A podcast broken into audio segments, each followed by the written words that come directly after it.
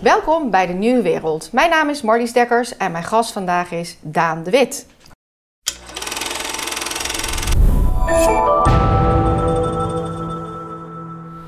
Daan, welkom. Ja, weer terug. Weer terug, de tweede keer. Ja, De vorige keer hebben we het gehad over eh, je geweldige boek Cholesterolmythe. dank je. Heel erg leerzaam. Eh, maar je hebt meerdere boeken geschreven. Ehm, volgens mij, de- je bent onderzoeksjournalist, maar ook wel van het type... ik bijt me er helemaal in vast. Ja, ja Van echt. 24-7. Ja, ja, ja. En, En dan, eh, en dan krijg ik ook reviews over van die man die leest zich helemaal te pletten, omdat er heel veel bronnen bij zitten. beetje manisch. eh, nou ja, maar- ik, ik, ik, da- ja. je doet het of je doet het niet. Ja. Weet je, dit boek- over het dossier Mexicaans schip in 2010, ik zeg echt, daar staat echt alles in wat je kan weten, mogelijkwijs, over dat onderwerp. Ik had ook gehoopt dat er een parlementair onderzoek van zou komen. Ja, maar dan was dit boek bijvoorbeeld ook echt de basis ervoor. Zo degelijk heb jij het aangepakt, hè? Ja, dat- ja precies. Dat was wel toen eh, mijn, ja, mijn, mijn bedoeling. En, en eh, later eh, kwam een onderwerp iets dichter bij mezelf, eh, gezondheidsvoeding. Omdat ik om, om me heen zag hoe mensen ziek werden, gewoon ook in privé-omgeving. Ja, deze is al lekker veel aangeraakt. Ja, dat is mijn eigen exemplaar. Gewoon naar proef. Weet wat je eet. Ja. En de ondertitel zegt heel veel gezond eten op basis van de oudste kennis en de nieuwste wetenschap. En dat is ook een beetje een thema in mijn leven geworden, dat ik de hele tijd zie van hé, hey, we vergeten eigenlijk die oudste kennis. In dit geval ging het dan over volken die al duizenden jaren hebben bewezen gezond te kunnen leven. Wat is dan hun geheim? En het geheim is eigenlijk eh, dat ze hele grote hoeveelheden vetten, vitamine, mineralen tot zich nemen. Terwijl ze ondertussen heel verschillend eten. Want een Eskimo eet natuurlijk heel anders dan een Aboriginal of een Maori of een Maasai. Ehm, maar dat thema, dat we die oude kennis vergeten. En ik merkte tijdens dat boek, dat eigenlijk is zo'n boek ook een heel creatief proces, dat eh, eh, een soort boog ontstond dat die nieuwste wetenschap die oudste kennis bevestigt. Maar dat we er eigenlijk precies tussenin zitten en het gek vinden dat we massaal dik en ziek worden. Ja, ik, ik zelf eh, volg ook heel veel podcasts van allerlei MD's, vooral uit Amerika. En allemaal komen ze weer uit, inderdaad, bij de oudheid. En, en ook met een grote fascinatie van hoe wisten ze in godsnaam toen, wat we nu kunnen meten, hè, of waar we nu de kennis veel meer over hebben dan toen. Eh, en ook hoe zijn we het verloren geraakt? Eh, of hoe is die kennisoverdracht? Ja. Waar hebben we ergens de verkeerde afslag genomen? Ja, Of zijn we misschien toch heel erg gaan leun- leunen op de farmaceutische industrie? nou daar zit wel inderdaad een link. En daarom was het ook niet zo gek dat ik na dit boek uit 2010 nu uitkwam bij Prikken Ja of Nee, boek uit 2021. Ja, daar gaan we het ook eh, zo meteen over hebben. Je hebt een e-book, Ja, prikken ja of nee. alle voor's. Alle voor's en tegen van coronavaccinatie. Ja. Nou, als je dat net zo degelijk hebt gedaan als je alles doet. Want dit is natuurlijk wat heel veel mensen willen weten. Ja, maar over deze boek heb ik echt twee jaar per stuk gedaan. En Ja. die maar twee maanden. Want als ik er twee jaar over had gedaan... Dan was je alweer te laat. Ja, dan was ik natuurlijk veel te laat. Ik was eigenlijk al aan de late kant. Eh, maar toch hebben heel veel mensen hebben daar ontzettend veel aan. Omdat ze die twee kanten niet horen in de media. Je hoort eigenlijk maar één kant. Er is één narratief, heel erg sterk. Dat viel me op ook al tijdens de Mexicaanse griep. Dat was natuurlijk een, een korte periode. En we keken er later, eigenlijk tien jaar lang, keken we er hoofdschuddend op terug. Van, goh, wat hebben we toch veel fouten gemaakt. Goh, hoe kan het dan nou toch zijn dat we in zee zijn gegaan met eh, bijvoorbeeld eh, de WHO, die zo ontzettend belangenverstrengeld is. Met de Europees Medicijnagentschap, dat ook zo belangenverstrengeld is. Dat we Ab Osterhuis hebben geconsulteerd, terwijl hij eigenlijk met drie petten op bij DWDD in 2009 zat te vertellen dat de En nu Spaanse weer bij op één. Ja, Vaste gast. en dan komt weer de Spaanse griep om de hoek kijken. Terwijl als je daar echt goed naar gaat kijken, gaat die vergelijking gaat gewoon niet op. En die modellen komen iedere keer niet uit. En je had het net over eh, wat, hebben we nou, eh, wat kunnen we nou leren van, van, in dit geval van die oude volken of, of van gezond blijven. Dat heeft eigenlijk toch te maken met eigenlijk terugkeren naar wat we zelf zijn, natuurwezens om het zo maar Ja, te dat we zeggen. onderdeel zijn van de natuur. Ja, dat we en dat, dat- eigenlijk ook weer accepteren. Dat we Ja, en dat we dus een heel goed functionerend immuunsysteem hebben. Wat, wat eigenlijk fantastisch werkt. Wat eigenlijk fantastisch werkt en wat ook blijkt uit de cijfers. Notabene cijfers die worden verteld iedere keer door Jaap van Dissel bij de Tweede Kamer briefings. Die zegt gewoon eerlijk, weliswaar met niet helemaal goed grafisch weergegeven eerlijke piramides. Maar toch zegt hij wel, ja eigenlijk is het voor ruim 98% van de Nederlandse bevolking... is het, corona niet of nauwelijks een probleem. Sommige mensen krijgen het en, en die hebben wel degelijk een probleem. Een vriendin van mij is net hersteld. Ja, is, was dat nog corona? Ik weet het niet. Het was in ieder geval heftig. Eh, maar die doet het nog verder prima. Ehm, maar dan zie je dus dat het inderdaad allemaal hartstikke goed werkt, het systeem. Ja, dus je zou ook kunnen zeggen, we kunnen ook zeggen, er komt een best wel heftig virus voorbij. En zeker 98% zijn dus sterk genoeg. Het immuunsysteem werkt zo goed. dat je het zelf kan oplossen. Dat, dat, dat geeft toch net een ander beeld. Totaal ander beeld. Dat is wat je eigenlijk moet vertellen. En uh, dat wordt ook wel verteld hier en daar, maar het grote narratief is: corona is uh, eigenlijk voor iedereen een groot probleem.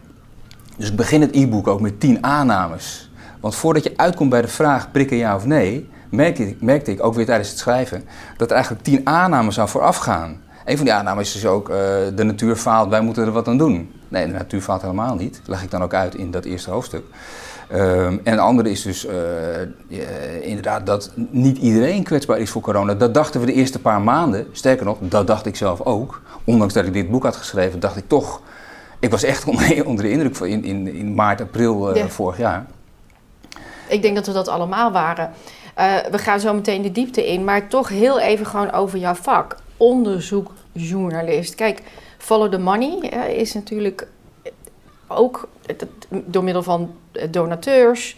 Daar zit nu ook echt nog heel degelijk onderzoek, journalistiek. Er is gewoon nog heel weinig mensen die jouw vak beoefenen, die dus zo grondig dat doen. In Nederland in ieder geval. Maar wereldwijd zijn dat ook nog niet meer zo heel veel.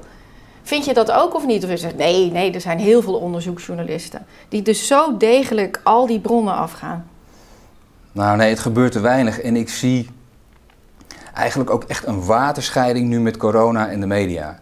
dus voor corona uh, uh, uh, keek ik met een veel serieuzere blik nog naar de reguliere media. Weliswaar was ik al in 2000 begonnen met een website waarbij de ondertitel was Het nieuws achter het nieuws. Omdat ik toen al nodig vond dat er uh, een, een, een, diepere blik moest worden geworpen in toen mijn interesse voornamelijk geopolitiek. Daar kwam dit eerste boek uit, de volgende oorlog. Dat gaat over hoe een oorlog wordt voorbereid tegen Iran. Een oorlog waarvan ik bang ben dat die nog steeds gaat komen.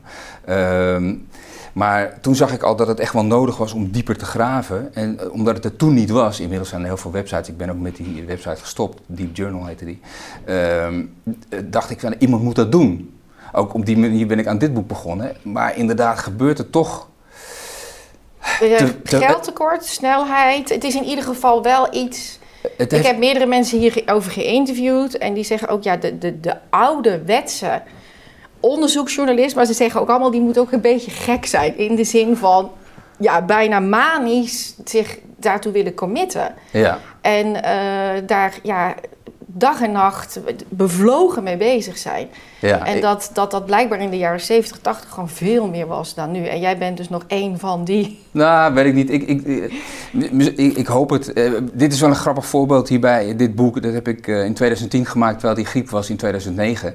En achteraf toen ik terugkeek, toen bleek dat ik... Uh, uh, negen maanden hieraan had gewerkt met één vrije dag per maand. En, en, echt serieus ook per kwartier had bijgehouden hoeveel ik werkte. Zodat ik echt serieus minimaal acht uur per dag daaraan zat. Dus ik was ook helemaal op naar dit ja. boek. Dus je kan er ook in doorslaan.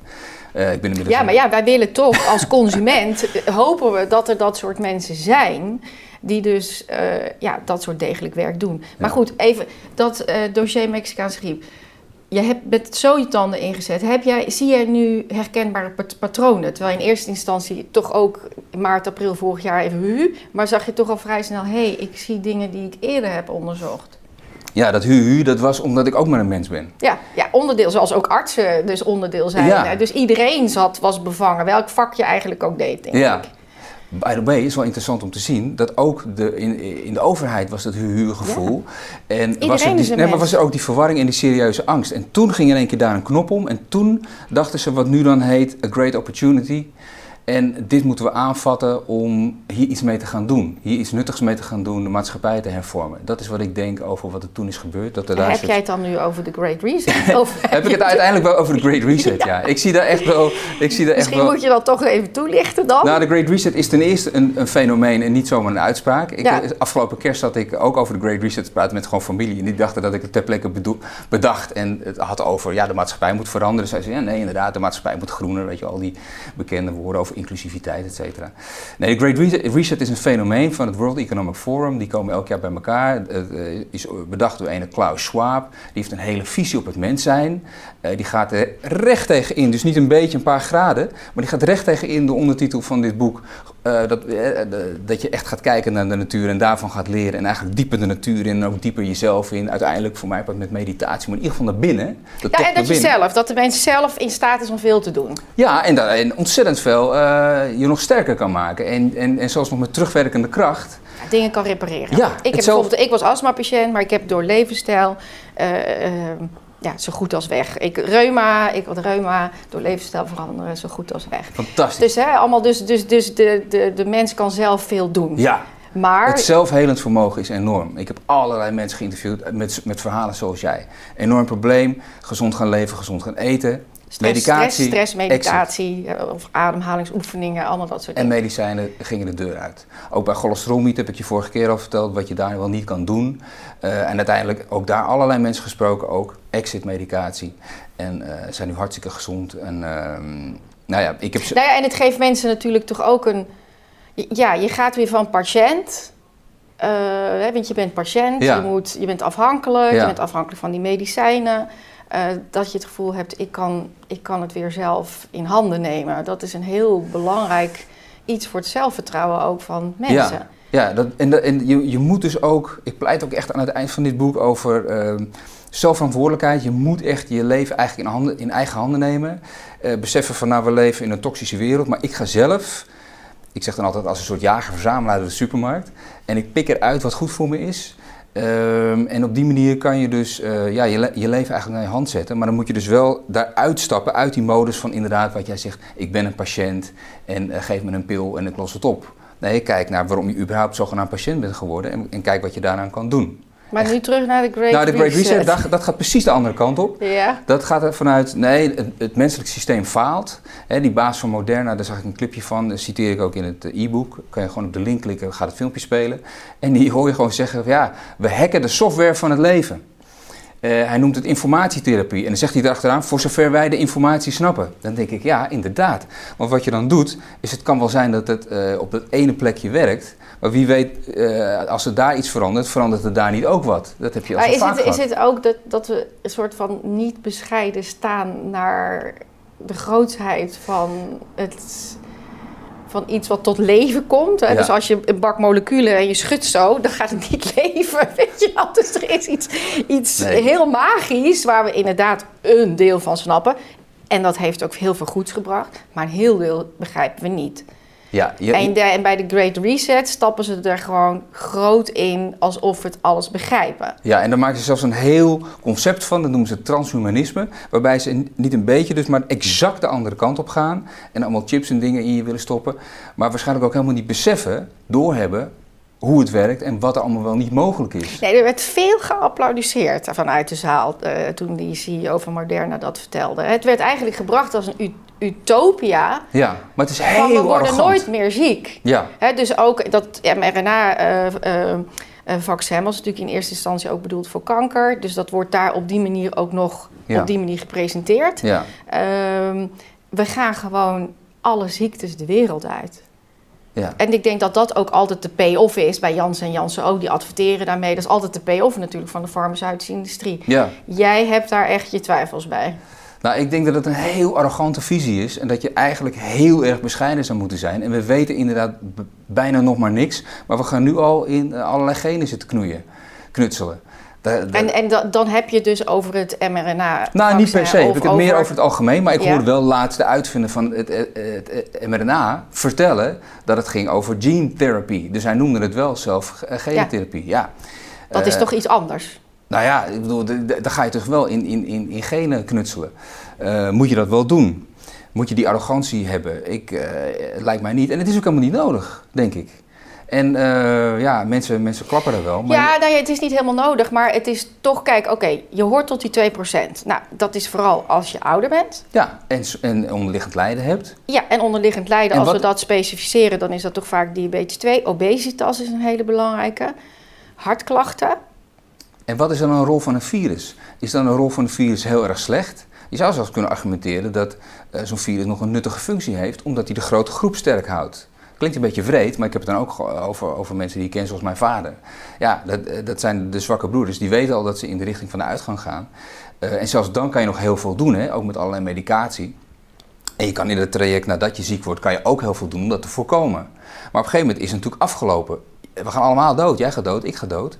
Ehm, en ehm, is, dan, is dan een virus dan iets wat je helemaal moet uit, uitstampen en weg moet weghalen, zoals ebola? Kijk, ebola, dat willen we niet. En in het hele begin had ik ook een ebola-gevoel bij... Ja, want daar is de sterfte vele malen groter. Ja, 50, 70 procent. In de, en nu zitten we op 0,15? 0,15 procent. En dan, heb je, dan neem je dus iedereen bij elkaar. Ook die, uh, die hele oude, zwakke mensen. Ja, of degene met obesitas en onderliggend lijden. Ja, ja, ja, precies. Nou, ja, dat bedoel ik met zwak. Ja, nee, inderdaad. Dus als je dat gaat terugbrengen bijvoorbeeld naar andere groepen... Uh, Dick Bijl uh, hoorde ik laatst bij, uh, op de radio zeggen dat eigenlijk voor iedereen onder de 70 corona een, een, een, een, een niet een vreselijk groot probleem is. Misschien even toelichten, ik heb Dick Bijl hier ook geïnterviewd, maar misschien toch even dat je hem toelicht. Van, hij heeft heel groot onderzoek gedaan, ook naar het griepvaccin. Heeft hij heeft boek een, boek over geschreven over de griep, waarin hij ook helemaal niet enthousiast is over het uh, griepvaccin. Uh, hij heeft, uh, geloof ik, 20.000 wetenschappelijke artikelen gelezen, gereviewd. Hoofdredacteur van de Geneesmiddelenbulletin ja, geweest. Ja, dus dat dus die man weet echt wel waar hij het over heeft. En die zegt dus dat het voor die groepen, en dat is eigenlijk analoog aan wat uh, notabene dus uh, in de, de, Tweede Kamerbriefing wordt verteld uh, door Van Dissel, dat het voor die grote groepen niet of nauwelijks een groot issue is. En dan moet je daar ook nog weer onderscheid in maken. Inderdaad, is die 70 is dat een hele oude, dikke, zieke 70 om het zo maar te zeggen, of, of niet. En dat maakt dan ook nog een heel groot verschil. Um, dus als je dan nu in deze fase waarin we nu aan het opnemen zijn, hè, we zijn nu richting bijna, het is bijna zomer, uh, worden uh, kinderen gevaccineerd. Nou, we zitten nu even gewoon wat. Ik, inmiddels hebben 13 miljoen Nederlanders een prik gehad. Ik weet niet één of twee. Um, en we zitten nu, mijn dochter heeft net een oproep gehad, dus we zitten nu in 1998, maar bij Hugo de Jong op zijn Twitter, die zei ook vandaag van 2000 en 2001 uh, mogen vanaf nu ook. Ja. Nou, dan doe ik heel even gewoon alsof ik alleen maar het gewone nieuws lees. Dan is het goed voor de kudde, zeg maar, hè, dat we ons allemaal laten vaccineren. Dat, dat wordt ons vooral verteld. Groepsimmuniteit opbouwen. Dus ook al zit je dan onder die 70, wat Dick Bel zegt, dan is het voor de groep beter om die groepsimmuniteit op te bouwen. Ga het nou eens aan die groep vragen. Die, die groep, daar hoort dus mijn vader toe. Die heeft vijf zoons. Ik ben de oudste daarvan. Denk je dat hij aan ons zou vragen dat wij uh, bijvoorbeeld uh, in een lockdown gaan zitten of wij een griepprik zouden nemen of een andere vaccin zouden nemen met een groot risico op problemen. Er ontstaan nu allerlei verhalen over mensen die problemen krijgen na die coronavaccinatie, omdat hij zijn de 82 met onderliggend lijden. Nou, ik denk dan toch dat je een hele toffe vader hebt. Dat ik hou nogal van social media en uh, ik volg best wel wat mensen. Uh, en of het nou schrijvers zijn, journalisten zijn, maar die in ieder geval het gevoel hebben, in ieder geval weldenkende mensen, um, die het gevoel hebben, ik, ik zit in die risicogroep en die vinden echt dat we met z'n allen sociaal moeten zijn. Dus met z'n allen die prik moeten nemen. Ja, maar... En ook in mijn directe omgeving. Hmm. Um, ja, is dat toch het, het algemeen beeld van als je niet laat vaccineren, dan behoor je tot de mensen die een beetje asociaal zijn. Ja, en ik denk dat zo meteen in oktober echt de sfeer gaat omslaan. En want nu is het allemaal nog leuk, het is lang licht en uh, het is lekker warm en, uh, en, de cijfers gaan naar beneden. Die al vanaf december naar, naar beneden gingen en in elk jaar naar beneden gaan, omdat dat nou eenmaal zo werkt. Seasonality, omdat dat nou eenmaal zo werkt. En nu wordt het gegooid op de vaccins en dat is eigenlijk niet helemaal eerlijk. Want waarom denk jij dat dan in oktober wat denk jij wat er dan gaat gebeuren? Ik, ik, ik volg weer heel even gewoon de mening van, van de groep. Die denkt, perfect, want dan zijn we gevaccineerd. Dus er gebeurt dan niks meer. Ja, dat, dat, uh, dat denk ik niet. Kijk, sowieso, omdat het seasonality is, ga je dan weer allemaal uh, sniffende en kuchende mensen krijgen. En omdat het griepseizoen dan weer begint. Ja. En dat kan dan worden gekoppeld aan, denk ik, aan een of andere variant van uh, het, het coronavirus. En dan wordt er weer gezegd, oh, misschien moeten we nu maar een derde prik doen, een booster. Of, en dan zit je al in die trein van die vaccins nemen. En dan is het ook heel makkelijk om weer tegen de mensen te zeggen, ja, doe ook maar weer een mondmasker op. Het is allemaal zo gevaarlijk. En dan heb je dus mensen die zeggen, ja, maar er is een heel groot risico op het nemen van een vaccin. En mijn eigenlijke feitelijke risico op corona is wat Van Dissel zegt, namelijk 98% niet of nauwelijks last. En dan wordt er toch tegen die mensen gezegd, denk ik, in die periode, van ja, jij bent asociaal. En dan is het niet meer zo leuk als het nu is. Maar dan zit het, dan, dan zit er Ja, je bedoelt eventjes, dan, dan wordt eigenlijk de groep die niet gevaccineerd is, Ja. krijgt dan de schuld. het outcast. Als het eh, dan toch nog niet helemaal ehm, eh, uitgebannen is of met de hamer kapotgeslagen is. Ja, wat dus eigenlijk niet zo zou hoeven bij zoiets als dit. Maar goed, Nee, maar dat, Dat- is dan wel de is- perceptie. dat is denk ik dat de perceptie gaat worden, ja. Ik weet, jij bent heel degelijk, maar ik wil het je toch vragen, omdat dat natuurlijk op social media enorm rondzinkt. Met artsen, dokters die behoorlijk kundig zijn. Eh, die zijn ook heel bezorgd, maar iets anders dan wat jij nu zegt. Die zegt het slaat agressiever toe bij mensen die gevaccineerd zijn. Ja wil is- jij daar je vingers niet aan branden? Nou, niet een harde uitspraak, maar ik, ik, ik hou natuurlijk nu wel een beetje, omdat ik ook een update wil schrijven voor het eh, e-boekje, eh, vinger aan de pols. En dan hoor je dat het inderdaad juist precies die spikes zijn die, eh, ja, extra. die, ja, die nou net het probleem vormen en ook het hele lichaam gaan doorreizen en niet alleen in die arm blijven zitten. Dat klinkt toch wel echt wel stevig wat ik lees. ja, misschien toch als we dat even toelichten. Hè? Dus bij een deel blijft het in die arm, verdwijnt het. Maar bij een deel gaat hij door het lichaam heen reizen. En dan kan het dus op een gegeven moment echt problemen geven. Ja, en die spikes worden gemaakt naar aanleiding van, Van het het- vaccin. Dus dan ben je hartstikke gezond. En dat is dus een grootste deel van de bevolking. En dan laat je je inspuiten met een vaccin en dan komen die spikes en dan gaat het lichaam erop reageren. Maar die spikes, die, dat wordt dus nu steeds meer gezien als eigenlijk een ontzettend belangrijk eh, ziekmakend probleem. En als dat dan door je li- lichaam gaat reizen, ja... eh, Dick Bijl zei, ik, ik wacht nog even af. Ik, ik zeg dat ook, ik wacht nog even af. Plus, ik zie mezelf... Nou, want even, we zijn zeg maar met een heel groot groepsexperiment Ja, bezig. hè. Dus we hebben eerst fase 1. Eh, hij was in heel korte tijd goedgekeurd. Hebben het heel veel mensen eh, hebben het gekregen. En dan moeten we dus nu eigenlijk gaan uitzweten. Wat zijn dan de gevolgen? Nou, dan zie je op internet ja, best al wel wat ja, bezorgde berichten. Die Ja. ook heel vaak verdwijnen. Ik heb, ik heb ook jou gevraagd, willen we het daarover hebben of niet? Jij zegt, ja, ik vind dat toch ook een beetje moeilijk, juist omdat jij zo degelijk bent. Maar er zit wel toch, ja, toch ook wel een lijn die- waarvan ik denk, wow, dat is toch zorgwekkend. Ja, het is verontrustend. Als je nou gewoon naar de cijfers kijkt, ik heb er wat cijfers bijgepakt. Ja. Misschien is het leuk om dat even Ja. te vertellen. Als je nou alle cijfers van het Rijksvaccinatieprogramma van eh, 2010 tot en met 2019, want die van 2020 zijn nog onbekend, optelt bij elkaar, cumulatief. Ehm, als je dat ook doet met influenza, dat gaat jaarlijks over, hè, dus bij die Rijksvaccinatie heb je het over ongeveer 2 miljoen mensen. Bij die influenza komen daar nog eh 3 miljoen mensen bovenop die dan die griepprik krijgen. Ja. Als je nou die griepprikgroep tegen, afzet tegenover de coronavaccins. Ja, Maar wel alle influenza van 2010 tot en met 2019, cijfers van het LAREP, bij elkaar optelt. Dat is dus eigenlijk niet eerlijk, maar wel interessant om te doen. waarom is het niet eerlijk? Nou ja, je zou eigenlijk misschien één jaar moeten doen en dan één jaar corona er tegenover Ja, dus je geeft eigenlijk het griepvaccin een voordeel. Ja, een enorm voordeel van, Ja. van negen jaar. Ja, dus, dus je, je, je, je- je- ja, Als je dat doet, je, je telt een hele berg bij elkaar op en je zet daar die, dat ene coronavaccin tegenover en je gaat kijken naar sterfte en bijwerkingen, dan eh, kom je er dus op uit, tot nu toe, cijfers van het LAREP, dat de sterfte 52,3 keer hoger is en de bijwerkingen 48,2 keer hoger zijn. Waarbij je ook nog kan afvragen van, wordt, worden alle eh, bijwerkingen nu wel netjes opgeschreven? Nou, ja, hoe dan ook, als je die ja, cijfers... ook daar gaat veel over rond. Hè, dat mensen, dokters daar heel bezorgd over zijn. En Ja. eigenlijk in alle landen van ik probeer te melden, maar ik kom er niet doorheen. Of ja, het wordt niet serieus genomen. Of Dus- ga het ze- zelf maar eens melden. Dan moet je door acht pagina's heen werken. Ja. Daar heb- Als je ziek bent, heb je daar misschien ook niet, eh, niet zoveel zin in. Eh, maar soortgelijke cijfers hoor je over Amerika. Daar zijn de getallen natuurlijk groter. Dan gaat het over 5000 doden. En er was iemand eh, en die ging eens informeren bij die eh, club die dat eh, registreert. VAARS heet het daar. En, eh, dat is het LAREP van hier. bij wijze van spreken. Ja. En daar zei ze, ja, die 5000, eh, wij denken dat het eerder gaat om 20.000. Hoe dan ook ging het ook daar om dat soort enorme getallen, misschien nog wel groter dan bij ons. Eh, ik noemde dus die- nou ja, die, eh, 52 keer, 48 keer. Dat zijn toch echt enorme getallen. En dat is notabene als je dus alles bij elkaar optelt wat betreft die influenza. Dus als ik dat hoor, nu al, terwijl in het hele begin, toen ik ook met het boekje bezig was, waren mensen vooral bang voor de lange termijn effecten. Zij zei ja, we zijn nog niet eens uit fase 3 en we gaan het uh, vaccin uitdelen, maar wat, wat doet het over 10 jaar? Bij dit boek, Mexicaanse griep, heb ik met allerlei mensen gesproken. Uh, neonat neonatoloog bijvoorbeeld, een dame die niet werd uitgenodigd door uh, de vaccinatiecommissie van de Gezondheidsraad.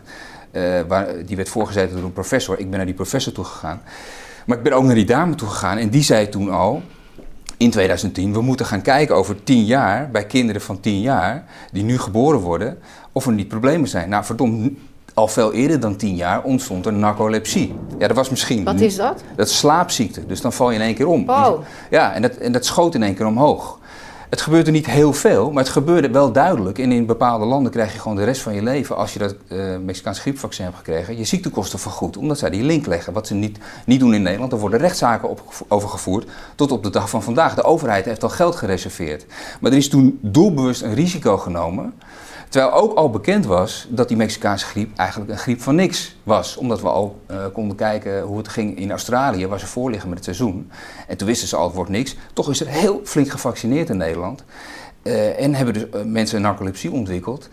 Maar er had ook niks kunnen gebeuren, had ook iets heel anders kunnen gebeuren. Hoe dan ook, neem je een heel groot risico. Toen met een griepje van niks. En nu dus met een probleem waar in principe 98% van de bevolking uh, aan voorbij gaat. Ja, maar de, ik, ik denk toch dat de perceptie is, uh, ja, schaadt het niet, dan baat het niet. Ja. Weet je wel? ja, ik doe het voor mijn, doe het voor mijn moeder, ik ja. doe het voor mijn oma. Ik op vakantie. Voor, ik kan op vakantie, ja, die hoor je ook heel vaak. En dan kan ik, weer, kan ik weer gaan reizen, ja. weet je wel. Dat is, dat is uh, terwijl, ja, dat, dat is volgens mij nog niet aan elkaar gekoppeld. Hè? Dus je kan nu ook nog steeds reizen. Ja, als je een test doet. Want dit is natuurlijk ja, het begin. met een PCR-test. Ja, dit is natuurlijk het begin van de, de, de testsamenleving. En het is het begin van de vaccinsamenleving. En het is het begin van de situatie zoals die al in Israël is, waar je ook een beetje vooruit kan kijken. Waarin je gewoon niet binnenkomt in allerlei. Ja, ik zou helaas willen zeggen van je bent best wel somber. maar in de voorbereiding hier kwam ik op het rapport. Ik zou echt mensen. Dit wordt vast niet van het net afgehaald. 100 Days Mission omdat het gemaakt is door Melinda Gates. Nou, Melinda Gates, maar dat is helemaal zo'n samenleving, wat jij net beschrijft. Dus met vaccinatiepaspoort, binnen 100 dagen ratseklad, ze hebben het vaccin. Kunnen we iedereen ja. weer vaccineren en hebben het opgelost. Ja, en als je niet meedoet, dan krijg je dus een rode balk op je telefoon. En dan kan je niet naar de sportschool ja. en al helemaal niet Maar ja, dit viel toch een beetje onder de categorie de wappies, zeg maar.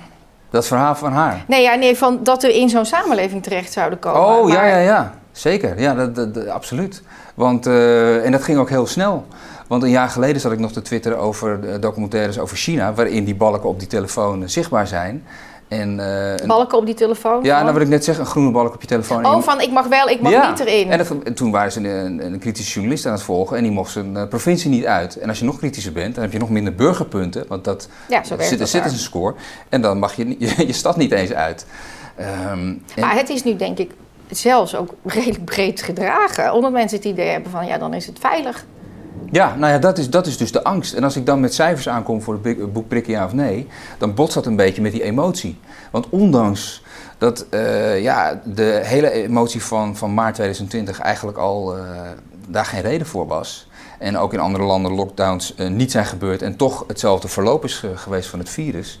En ook de sterfte enorm meeviel. Ja, die 0,15. In absolute cijfers is het volgens mij in Nederland iets van 17 of 18.000 doden.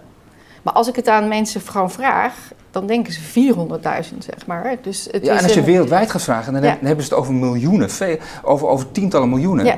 Uh, maar, ze hebben geen, maar, maar, ze hebben geen idee dat bijvoorbeeld die cholesterolmythe, waar we het vorige keer over hadden... Dat Hoeveel gaat, doden vallen daar? Nou, jaarlijks gaat dat over uh, tussen 18 en 20 miljoen mensen wereldwijd aan hart- en vaatziekten alleen al. Dat is een derde van de, van de hele sterfte van de wereldbevolking. Een derde sterft aan hart- en vaatziekten. Dat zijn 18 tot 20 miljoen mensen.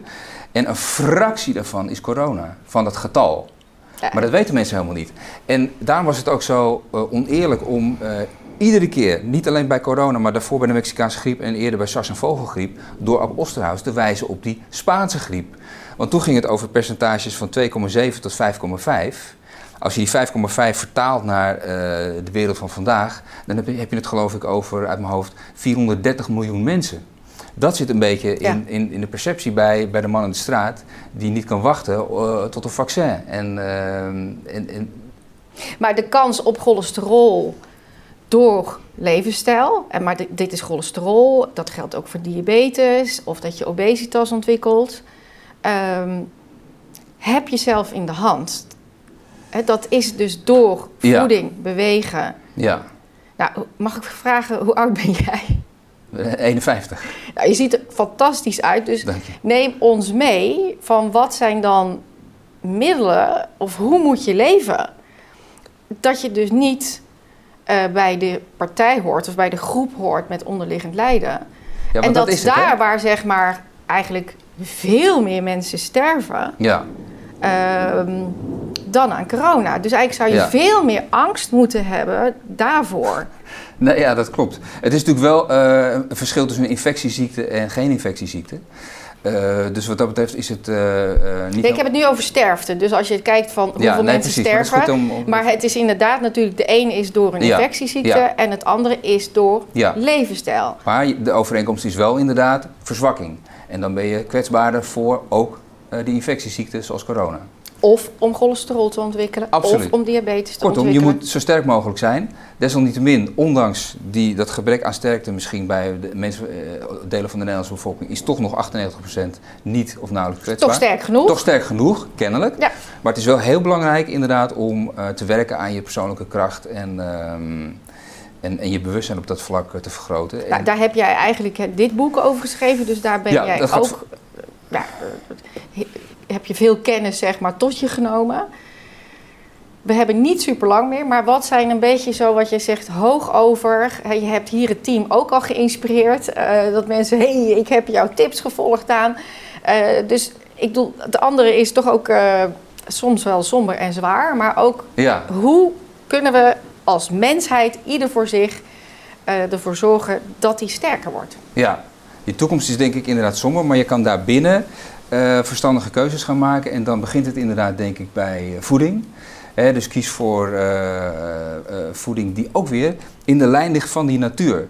Dus dat is het meest simpele nog wat je zou kunnen doen. Kijk naar de natuur. Wat deden die oude volken die dus bezocht zijn, waar ik uitgebreid over spreek in het boek. Eh 80 gele- eh, tot 100 jaar geleden pak een beetje zijn die bezocht. Ehm, wat was hun geheim? Dat vertelde ik al een beetje net. Grote hoeveelheden vetten, vitamine, mineralen. Wat doen wij? We gaan aan de minima zitten. Ja, maar voor jou zijn vetten, vi- vetten eh, mineralen, allemaal zo logisch. Concreet. Ik wil gewoon weten, wat moet ik 's ochtends eten, wat moet ik 's middags eten, 's avonds. Wat is, anders blijft het te abstract. Ja, ja, ja, oké. Wat dat- doe jij? ehm, nou, zo kort kan je het eigenlijk niet vertellen, maar eh, ik, ik wil zo kort mogelijk door de Ja, maar anders gaan. wordt het toch weer zo Nou abstract. ja, ja, is ook zo. Maar, ja, ondertussen begeleid ik ook mensen één op één, een half jaar lang. Weet je, het is- je vertelt niet zomaar het hele verhaal in Begrijp één keer. ik. Maar bijvoorbeeld, heel concreet, als je zegt ontbijt. Omdat ik al wat ouder word, dacht ik op een gegeven moment, ja, ik eet heel goed. Maar ik eet eigenlijk, zoals de Belgen zeggen, van het goede te veel. Dus toen ben ik eh, gaan kijken en toen dacht ik van, nou, dat, dat ontbijt, dat is slim om dat eruit te halen. Want als je dan eh, niet meer eet vanaf de avond en je slaapt, dan word je eigenlijk eh, slapend eh, gezond, bij wijze van spreken. En je slaat het ontbijt over, dan kan je zomaar 10, 15, 16 uur niet hebben gegeten. Ondertussen kan je lichaam zich schoonmaken. Een heel groot deel van het verhaal is inderdaad wat je wel moet doen, tot en, tot en met supplementen aan toe. Maar ook wat je niet moet doen. Ook wat je niet moet doen. Je moet heel veel dingen niet eten, Maar het even over toch om hierbij stil te tijd, staan. tijd geven voor opruimen. Ja, voor opruimen. Want als je hele tijd iets eet of drinkt, Ja. dan, dan is het lichaam heel bezig Ja. met digesten. Ja, Dus dan geef je eigenlijk geen tijd om, Nee. als er ergens een ontsteking zit of iets moet repareren, dan heeft hij gewoon even de tijd en de rust om dat op te lossen. Ja, absoluut. Dat is, dat is een van de kernen van eh, wat dan heet intermittent fasting. Ja. Want dat is een beetje de truc waar Ja, ik het over heb. ja, dat is een beetje een hip eh, woord Ja. geworden, maar dat komt echt uit die oudheid. Omdat we achter zijn gekomen, dat deden ze toen ook al. En breakfast. Ja, Weet je, het ja. woord zegt het al, je breakt Je break the fast. fast. Hè? Dus dat, Ja. En het leuke is als je hem dan om, eh, met de lunch gaat eten, wat bij mij de grootste maaltijd is. Want dan ben je ook, zeg maar, als je kijkt naar het verloop, eh, het meest aan het doen. En dan is het eh, goed om in de avond al wat, wat lichter te eten, een salade bij wijze van spreken. Dan heb je ook echt trek. Heb je echt zin in eten. En de- het mooiste is nog, dat is een soort overtreffende trap. Vertel ik ook in een soort jaarprogramma waarin ik tips met e-mail geef, is dan ook om tijdens de periodes daartussen ook niks te eten. Dus ook eh, niet te gaan snacken. Maar als je goed eet tijdens de lunch, heb je ook niet zoveel trek eh, tussendoor. En dan eet je nog weer je avondmaaltijd. Daarna ga je naar bed. Op die manier kan je best wel. maar je komen. mag dan die lunch mag ook best Ja. wel veel zijn. Ja, hè? Maar het is vooral groente, denk ik. Ja, vooral groenten, maar, maar, maar ik ben ook helemaal niet bang voor eh, een goed stuk vlees of een goed stuk vis. En neem dan ook bijvoorbeeld, eh, is een detail, maar neem dan ook bijvoorbeeld sterke vissen. Dus niet van die, van die, die zachte zoetwatervissen. Je ziet het al bijna voor je. maar, die neem- flink hebben moeten zwemmen. Ja, neem die sterke die in het ijskoude water moeten zwemmen. Dat soort vissen bijvoorbeeld. Hè? Eh, inderdaad, goed stuk vlees. Eh, ontzettend eh, goed voor je. En tijdens die lunch neem ik ook mijn supplementen, want die doe ik er ook wel bij. En dat komt omdat ik dan wel gecoverd heb dat ik mijn tekorten afdek. Maar dat is dus ook zeg maar, de visie van de overheid wereldwijd hoor. Dat noemen ze de ADH's, de Algemeen Dagelijks Aanbevolen Hoeveelheden. Die zijn bijvoorbeeld, een goed voorbeeld is vitamine C. Die zijn zo laag, eh, die, die ADH's, dat je geen scheurbuik krijgt. Interesseert me helemaal niks om geen scheurbuik te krijgen. Ik wil weten in hoeverre kan ik zorgen dat die vitamine C voor, voor mij gaat werken. Ja, dat, En- dat, dat ik zo, zo sterk mogelijk blijf. Ja, exact. En dat die gaat bouwen aan eh, eh, het collageen, zodat mijn hart en vaten sterk blijven. Hè, dat heb ik hier. Ja. Ik denk ook dat, dat best veel mensen in één keer over vitamine D hebben gehoord, over zink hebben gehoord, vitamine C. Ehm, nou, er zijn ook een aantal dokters hè, die, die, die, die beweren ook, nou ja, je, je kan het gewoon behandelen met HCQ. eh, eh, de corona, ja. ja, ivermec- iver, Ivermectine, ja. ivermectine. Wordt veel- gecombineerd met vitamine D, C, ehm, zink.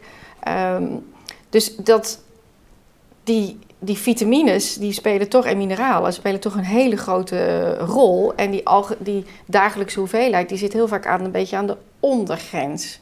Ja, precies. En dan, dan eh, dek je af dat je niet ter plekke neervalt. Maar er is eh, ook iemand die heet Bruce Ames, dat is een eh 80 jaar, 80er, een wetenschapper. En eh, die heeft ontdekt van ja, er zijn eigenlijk twee schakelmomenten in het lichaam. Dat je niet ter plekke dood neervalt, maar dat je ook voldoende hebt om gezond oud te kunnen worden. En wat je heel vaak ziet, en dat was ook de motivatie. Uiteindelijk eh, is, is mijn moeder ook ziek geworden, die is overleden. En mijn vader werd steeds zieker. Allemaal motivatie, omdat je ziet hoe het niet moet. Ja. Ik wil niet in een schuine streep eh, naar beneden vanaf mijn 40ste. En dat is wat je heel vaak ziet. En dat heeft er dus mee te maken. Om gezond oud te kunnen worden heb je eigenlijk voorraden nodig. Je hebt eigenlijk surplus nodig. Je hebt meer nodig. Nou, en dat kun je doen door ten eerste heel verstandige keuzes te maken in die voeding. Maar daarbovenop nog eens een keer met hele slimme supplementen te gaan werken. En in heel specifieke gevallen had je het over HCQ en corona. Eh, die vriendin van mij is dus eh, recent eh, ziek geworden. Dus ik heb er ook uitgebreid gesproken erover. En die zei ook van nou, als je nou slim bent, die HCQ mag je niet kopen of dat is niet beschikbaar. Koop dan in ieder geval quercetine. Ja. Dus dat heb ik nu ingeslagen. Zink, Misschien nog even herhalen, want ik denk dat veel mensen deze tip willen. Ik heb het ook. quercetine met een Ja. Q, Q-U-E. Ja. Quercetine. Dus dat, dat potje is nu naar me onderweg. Die zink nam ik al. Ja. Eh, ik heb het hier ook eh, staan. Ehm, gewoon elke dag tijdens die, die, eh, na die maaltijd neem ik ook nog de zink erbij. Ja. Dit is vitamine K. Daar pleit ik erg voor naar aanleiding van een gesprek met een vitamine K. K staat voor kalium. Nee, dat is K gewoon, staat, vitamine K heet gewoon, gewoon, heet gewoon K. vitamine K. En ik ben een van de grootste experts ter wereld geweest. Gelukkig een Nederlander waar ik naartoe kom. Eh, in Maastricht eh, ben ik geweest aan de universiteit. En eh, die liet zien dat dus met die vitamine K... Het gaat mij niet om dit merk. ehm, zelfs nog met terugwerkende kracht dingen voor elkaar zijn te krijgen. Dat ging in dit geval dan... Ja, dat het lichaam het repareert. Ja, dus dat ging bijvoorbeeld eh, echt aantoonbaar. Vaak gaat het over muizen. Nee, dit ging over vrouwen, groep vrouwen. Die hadden al, hadden al aderverkalking. En dat werd gewoon minder door het gebruik van de vitamine K. Dat is één voorbeeldje. En als je zelf ook voldoende vitamine C geeft, dan bouw je op. Dus dan kan, kan het zijn dat je als je ouder bent, eh, gezonder en sterker bent dan eh, toen je jong was. Ehm, ik heb het zelfs laten, laten meten met mijn hart. Ja. Mijn hartleeftijd. En die is verbeterd. En die is verbeterd. Ja. Normaal gesproken tellen ze 20 jaar op bij je hart en vaten. En daar heb ik ook allemaal rapporten van gezien. Eh, en toen ging ik afgelopen zomer doen. Toen was ik 50. En toen had ik verwacht van, nou, het zou zomaar 70 kunnen worden. Maar het was geen 70, geen 60, geen 50, ook geen 40, ook geen 30, ook geen 20. Het was 16, was nauwelijks vertoond. Dus ik heb ook die importeur gebeld, die ook echt verbaasd was. om te vragen hoe, eh, hoe dat nou precies Ja. zat. Maar ja, het, eh, het schijnt wel voor te komen. Ja, ja, eigenlijk alle, diegenen die ik volg in podcast, is het allemaal overkomen. Hebben allemaal hun leeftijd teruggedraaid. Allemaal door ja, gezondheidsinterventie. Reverse aging heet dat. Ja, reverse aging. Dat is ook wat ik. Telomeren worden langer. Ja, En je bent dus, ja, je, je, je, je bent eigenlijk fitter. Je wordt ouder, maar je wordt steeds fitter. Dus Ja. het is mogelijk. ja. En die gezonde volken die ook in, in, eh, door deze man zijn bezocht, Western Price, die is de hele wereld over gaan, specifiek naar plekken waar het heel goed ging, om die kunst af te kijken. En daar gebeurde het ook. Werden mensen lang oud en ze bleven ook helder. Hè?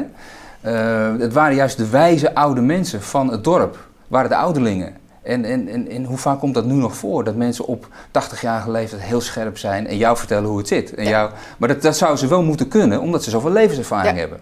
Ja, in plaats van dat het steeds Dat het verder steeds weg eh, ja, en, blurt. en, en Ja. tot dementie komt. Toch wil ik je even iets vragen, nog iets over, eh, ook over corona. Dus ik, ik heb huisarts eh, Els van Veen geïnterviewd. En dan we het ook over HCQ gehad en eh ivermectine. Ivermectine, ja. Ivermectine. En zij gaf aan, wij krijgen als we het voorschrijven zelfs een boete van 150.000 euro. En dat is wereldwijd eigenlijk nu aan de hand. Ik weet, jij wil het eerst altijd heel degelijk uitgezocht hebben, maar wat zegt jouw onderzoekshart hier? Wat, wat is hier aan de hand? Ja, dat een middel dat al 40 jaar wordt gebruikt. In Amerika geloof ik, of in ieder geval wereldwijd, laten we, laten we het daarop houden, 4 miljard keer is toegediend. Dat wordt dan niet toegediend omdat het eh, eh, in het begin van de, van, de, van de coronaperiode zou moeten toegediend als iemand net corona krijgt. Ja, En dan- moet in het begin. ja, en dan een relatief hoge dosis en dat zou dan gevaarlijk zijn. En dat, en dat wordt dan zo gevaarlijk gezien dat er een boete op wordt gezet van 150.000 euro. En daartegenover wordt een experimenteel vaccin gezet. Ook hier is al een experimenteel vaccin gebruikt, maar ook nu experimenteel, nog nooit eerder toegepast. En daarna bestaat al een hele tijd. Ehm, Ja, de Lancet, Lancet heeft daar ook een hele belangrijke rol in gespeeld. Hè? Want Ja. die heeft dat onderzoek gepubliceerd van dat het zo slecht zou zijn. En daarna hebben eigenlijk alle artsen hun vingers ervan afgetrokken. Door dat onderzoek van de Lancet. Ja, nee, daar ken daar ken ik de details even niet van. Maar ehm, in ieder geval is het, eh, kun je het echt experimenteel noemen.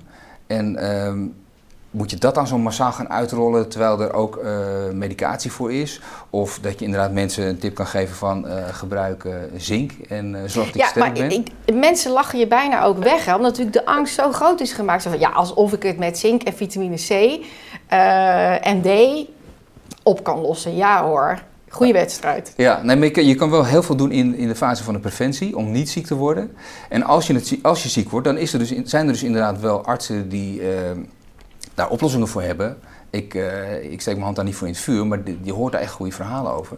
Dus dat wil ik nog gaan onderzoeken. Inderdaad heb je het dan over die HCQ of, eh, of over die ivermectine. En tot die tijd als het niet te koop is, koop ik zelf een potje quercetine. En eh, als de nood aan de man is, gebruik ik dat. En tot die tijd probeer ik gewoon zo sterk mogelijk te zijn. Ehm, en voel ik mij tot die 98% groep. En als je dan ook ziet wat, ehm, ja, dat, dat zijn zeg maar de risico's. Want heel veel mensen maken nu in hun hoofd een risicoafweging tussen het gevaar op corona en het mogelijke gevaar van het vaccin. Maar ze hebben eigenlijk geen idee van het mogelijke gevaar van het vaccin en hoe Wat dat moet experimenteel blijken. Ja. ja, en wat, nou ja, maar het blijkt dus nu al een beetje. En hoe experimenteel dit wel niet is. En hoe eigenlijk klein hun risico is op corona. Zelfs mijn eigen vader, die zou dus een hoog risico lopen. Misschien wel tot wel 15 procent. Want die is in de 80, hè? Ja, die is in de 80 en die heeft onderliggend lijden. Maar die, daar staat, tegenover die 15 procent staat natuurlijk altijd 85 procent van dat het goed komt. Dus, ehm, We gaan maar even terug naar jouw ritueel. Eh, we hebben de middag avondeten. Dus jij zei licht, Daar zou ik wat te lichter veel. eten, ja. En dan zou ik echt die middag gebruiken, omdat je dan toch... De verbrandingsmotor staat het hardst. Dan neem ik ook de, de meeste supplementen. Eh, dan, dan denkt mijn lijf nog meer van... Jeetje, wat heeft hij gezond gegeten? Eh, en dan eet ik inderdaad wat lichter aan het eind van de avond. Ehm, en dan is het mooi als je dus inderdaad daarna gaat slapen... en, en die, en volgens die lunch overslaat. In het begin is dat nog een beetje moeilijk. Maar op een gegeven moment wen je eraan. En ehm, krijg je dus ook meer trek met, met de lunch. En dan eet je eigenlijk ook smaakvoller. Dus dat is gewoon een, een, een, van de trucjes, een van de Ja. dingetjes die je Slaap, kan doen. hoe belangrijk is dat? Ja, slaap is cruciaal belangrijk natuurlijk. Dus ehm, dat, dat, dat Want gaat... ook heel veel mensen hebben slaapproblemen. Ja, ja, dat komt natuurlijk ook omdat het hoofd eh, maar de hele tijd aan het malen is. Dus je moet eigenlijk al wat langer gaan afremmen. Ehm, het is nu ook lastig om- omdat het zo lang licht blijft, dan, eh, dan ben je nog iets eh, helderder. Maar Maar heb je daar nog wat tips voor? voor? Of wat doe jij zelf, zeg maar, om toch te zorgen dat je goed in die slaap komt? Nou, een van de honderd trucjes die ik heb is eh, dat ik bijvoorbeeld werk onder een daglichtlamp. Dus die boek heb ik geschreven onder een TL-balk waar daglicht uitkomt. Dat is heel ander licht eh, dan, dan kunstlicht. dan ja. kunstlicht, want dat is maar een heel klein deel van het spectrum. Ze noemen het dan ook vol spectrumlicht. Ja. Zodra je buiten komt, heb je daglicht. Dat kan, het zit in de lamp van mij, maar die gaat wel op een gegeven moment uit. Want als ik om tien uur nog onder die lamp zit, kan ik natuurlijk niet. Want dan ga je geen melatonine aanmaken. Ja, nee, dan, dan slaat, mijn, dan slaat mijn lichaam er niks van en dan lig ik nog heel lang wakker. Dus dat zijn kleine dingen waar je op moet letten. Je moet inderdaad gaan afbouwen richting die slaap. en op die manier zorg dat je goede nachtrust voor elkaar krijgt. Maar ik had laatst ook al een cliënt van me en die volgde alleen al het supplementdeel op van wat ik, wat ik adviseer. En, die, zijn slaap was al enorm verbeterd, omdat hij niet, uh, ik, ik, weet niet hoe het kan, maar niet iedere keer het toilet ook uit moest, uh, het bed uit moest om naar het toilet te gaan. Nee, klopt. Ik heb dat ook toen ik begon met supplementen. Toen verbeterde dat bij mij ook. Dus het is toch een tekort aan B of D of zink. En die combinatie daarvan, waardoor je dat, ja, waardoor dat lichaam het toch beter snapt en niet inderdaad... Je moet je eh, lichaam geven wat het nodig heeft. Wat het nodig heeft. En, ook dat is een beetje zoektocht vaak ook uh, van ja, wat heb ik dan tekort? Maar ja, dat leg ik allemaal hierin uit. En daardoor zeg ik ook op een gegeven moment van als je naar die supermarkt ingaat, probeer echt te kijken met de blik van je lichaam. Daarom heet het boek ook Weet wat je eet, zodat je het eerst snapt. Maar vervolgens internaliseer je het. En dan ga je inderdaad veel meer kijken met, nou, mijn lichaam wil eigenlijk dit. Mijn verstand is misleid en zegt, uh, ik, moet daar, ik moet zes boterhammen eten, want dat zegt het voedingscentrum. Mijn uh, verslaving zegt, ik moet die suiker pakken. Mijn andere verslaving zegt, ik moet die chips pakken. Maar wat blijkt, als je nou chips in huis hebt, dan ga je het ook opeten. Dan voed je de verkeerde bacteriën. Die bacteriën die krijgen op een gegeven moment te weinig voeding. Die gaan en die zeuren weer om en die gaan volgende zakje Ja, maar die, gaan er echt, die, die geven echt dat zeurgevoel. Dus die onderzoekers die dat hebben onderzocht, die, die hebben het ook over puppet on a string. Ja. En dan ben jij de puppet on their string en dan loop je naar die kast. Maar als het niet in die kast ligt, kan je het er ook niet uithalen. En dan gaan die bacteriën uiteindelijk sterven die af. Ondertussen eet je wel wat anders. Dat, die kolonies die, uh, die worden dan groter. En op die manier kan je al binnen 48 uur kan je al veranderingen voor elkaar krijgen. Dus er is echt hoop. Ja. Ik vind dat er wel een rode lijn begint te komen in jouw werk. Zie je dat zelf ook, hoe het een eigenlijk grijpt in het ander? dus die voeding blijkt eigenlijk de basis te zijn. Ja. En toen ben je met die cholesterolmythe bezig gegaan. Maar het zijn ook veel ja, misinformatie, misstanden, uh, kennisgebrek. Ja, en, en notabene gestuurd door de, door de overheid en, en een gebrekkige media. Dat is zo teleurstellend dat de mensen die wij notabene betalen aanstellen om dat te doen falen. En dan wordt er vaak gekeken naar de kop van Jut, van Rutte of Grappenhaus of de Jonge. Maar het zijn natuurlijk de Lilian Marijnissen van deze wereld, de Lilian Ploemen van de PvdA. Het zijn dat soort... Wat hebben die gedaan? Nou, die, die stemmen mee met al die voorstellen. Die Als die dwars liggen in de Tweede Kamer, dan was er geen lockdown geweest, geen mondmasker en alle andere grappen. En, en, en uh, dat gebeurt ook in de Eerste Kamer. Dus dat is notabene de backup. Dat is notabene de veiligheidsclub bij de veiligheidsclub. Ja, maar ik denk ook dat die gewoon heel veel van dit soort kennis niet hebben. Je ziet het ook nu bij de sms'jes van, van Rutte. Weet je, ja, mensen zijn, die lezen ook gewoon maar wat uh, nieuws hier en daar een flart. En daarop doen ze het. Dus juist dat degelijk onderzoeksjournalistiek is zo cruciaal. Voor, voor de maatschappij, ja. Dus uh, daarom, daarom vind ik het ook zo ontzettend teleurstellend dat het zo werkt. En daarom uh, ja, hoop ik ook echt dat dat goed komt. Maar het zijn die mensen geweest en dus ook uh, de, de, media waarvan gewoon ze zelf hebben gezegd van we volgen het narratief van de overheid.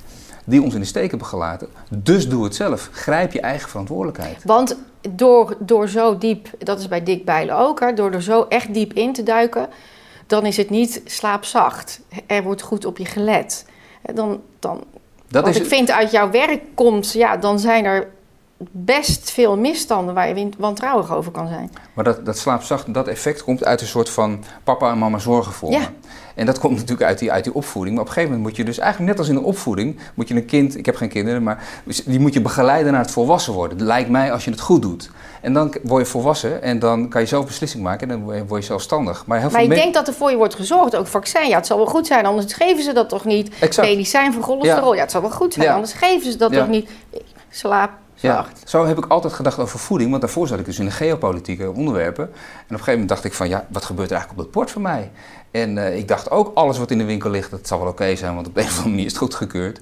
En je kan dus hartstikke ziek worden van wat daar ligt. Dus moet je dat onderzoeken. En dan... nou, Nestlé heeft toegegeven dat 92%, ik geloof dat ze 92% zeggen, van hun producten gewoon niet gezond is. Dat hebben ze nu toe, toegegeven. Het is natuurlijk zorgelijk nu zijn wat er met Shell gebeurt, dat er rechtszaken kunnen komen. Uh, van, uh, waarin ze aansprakelijk gesteld gaan worden.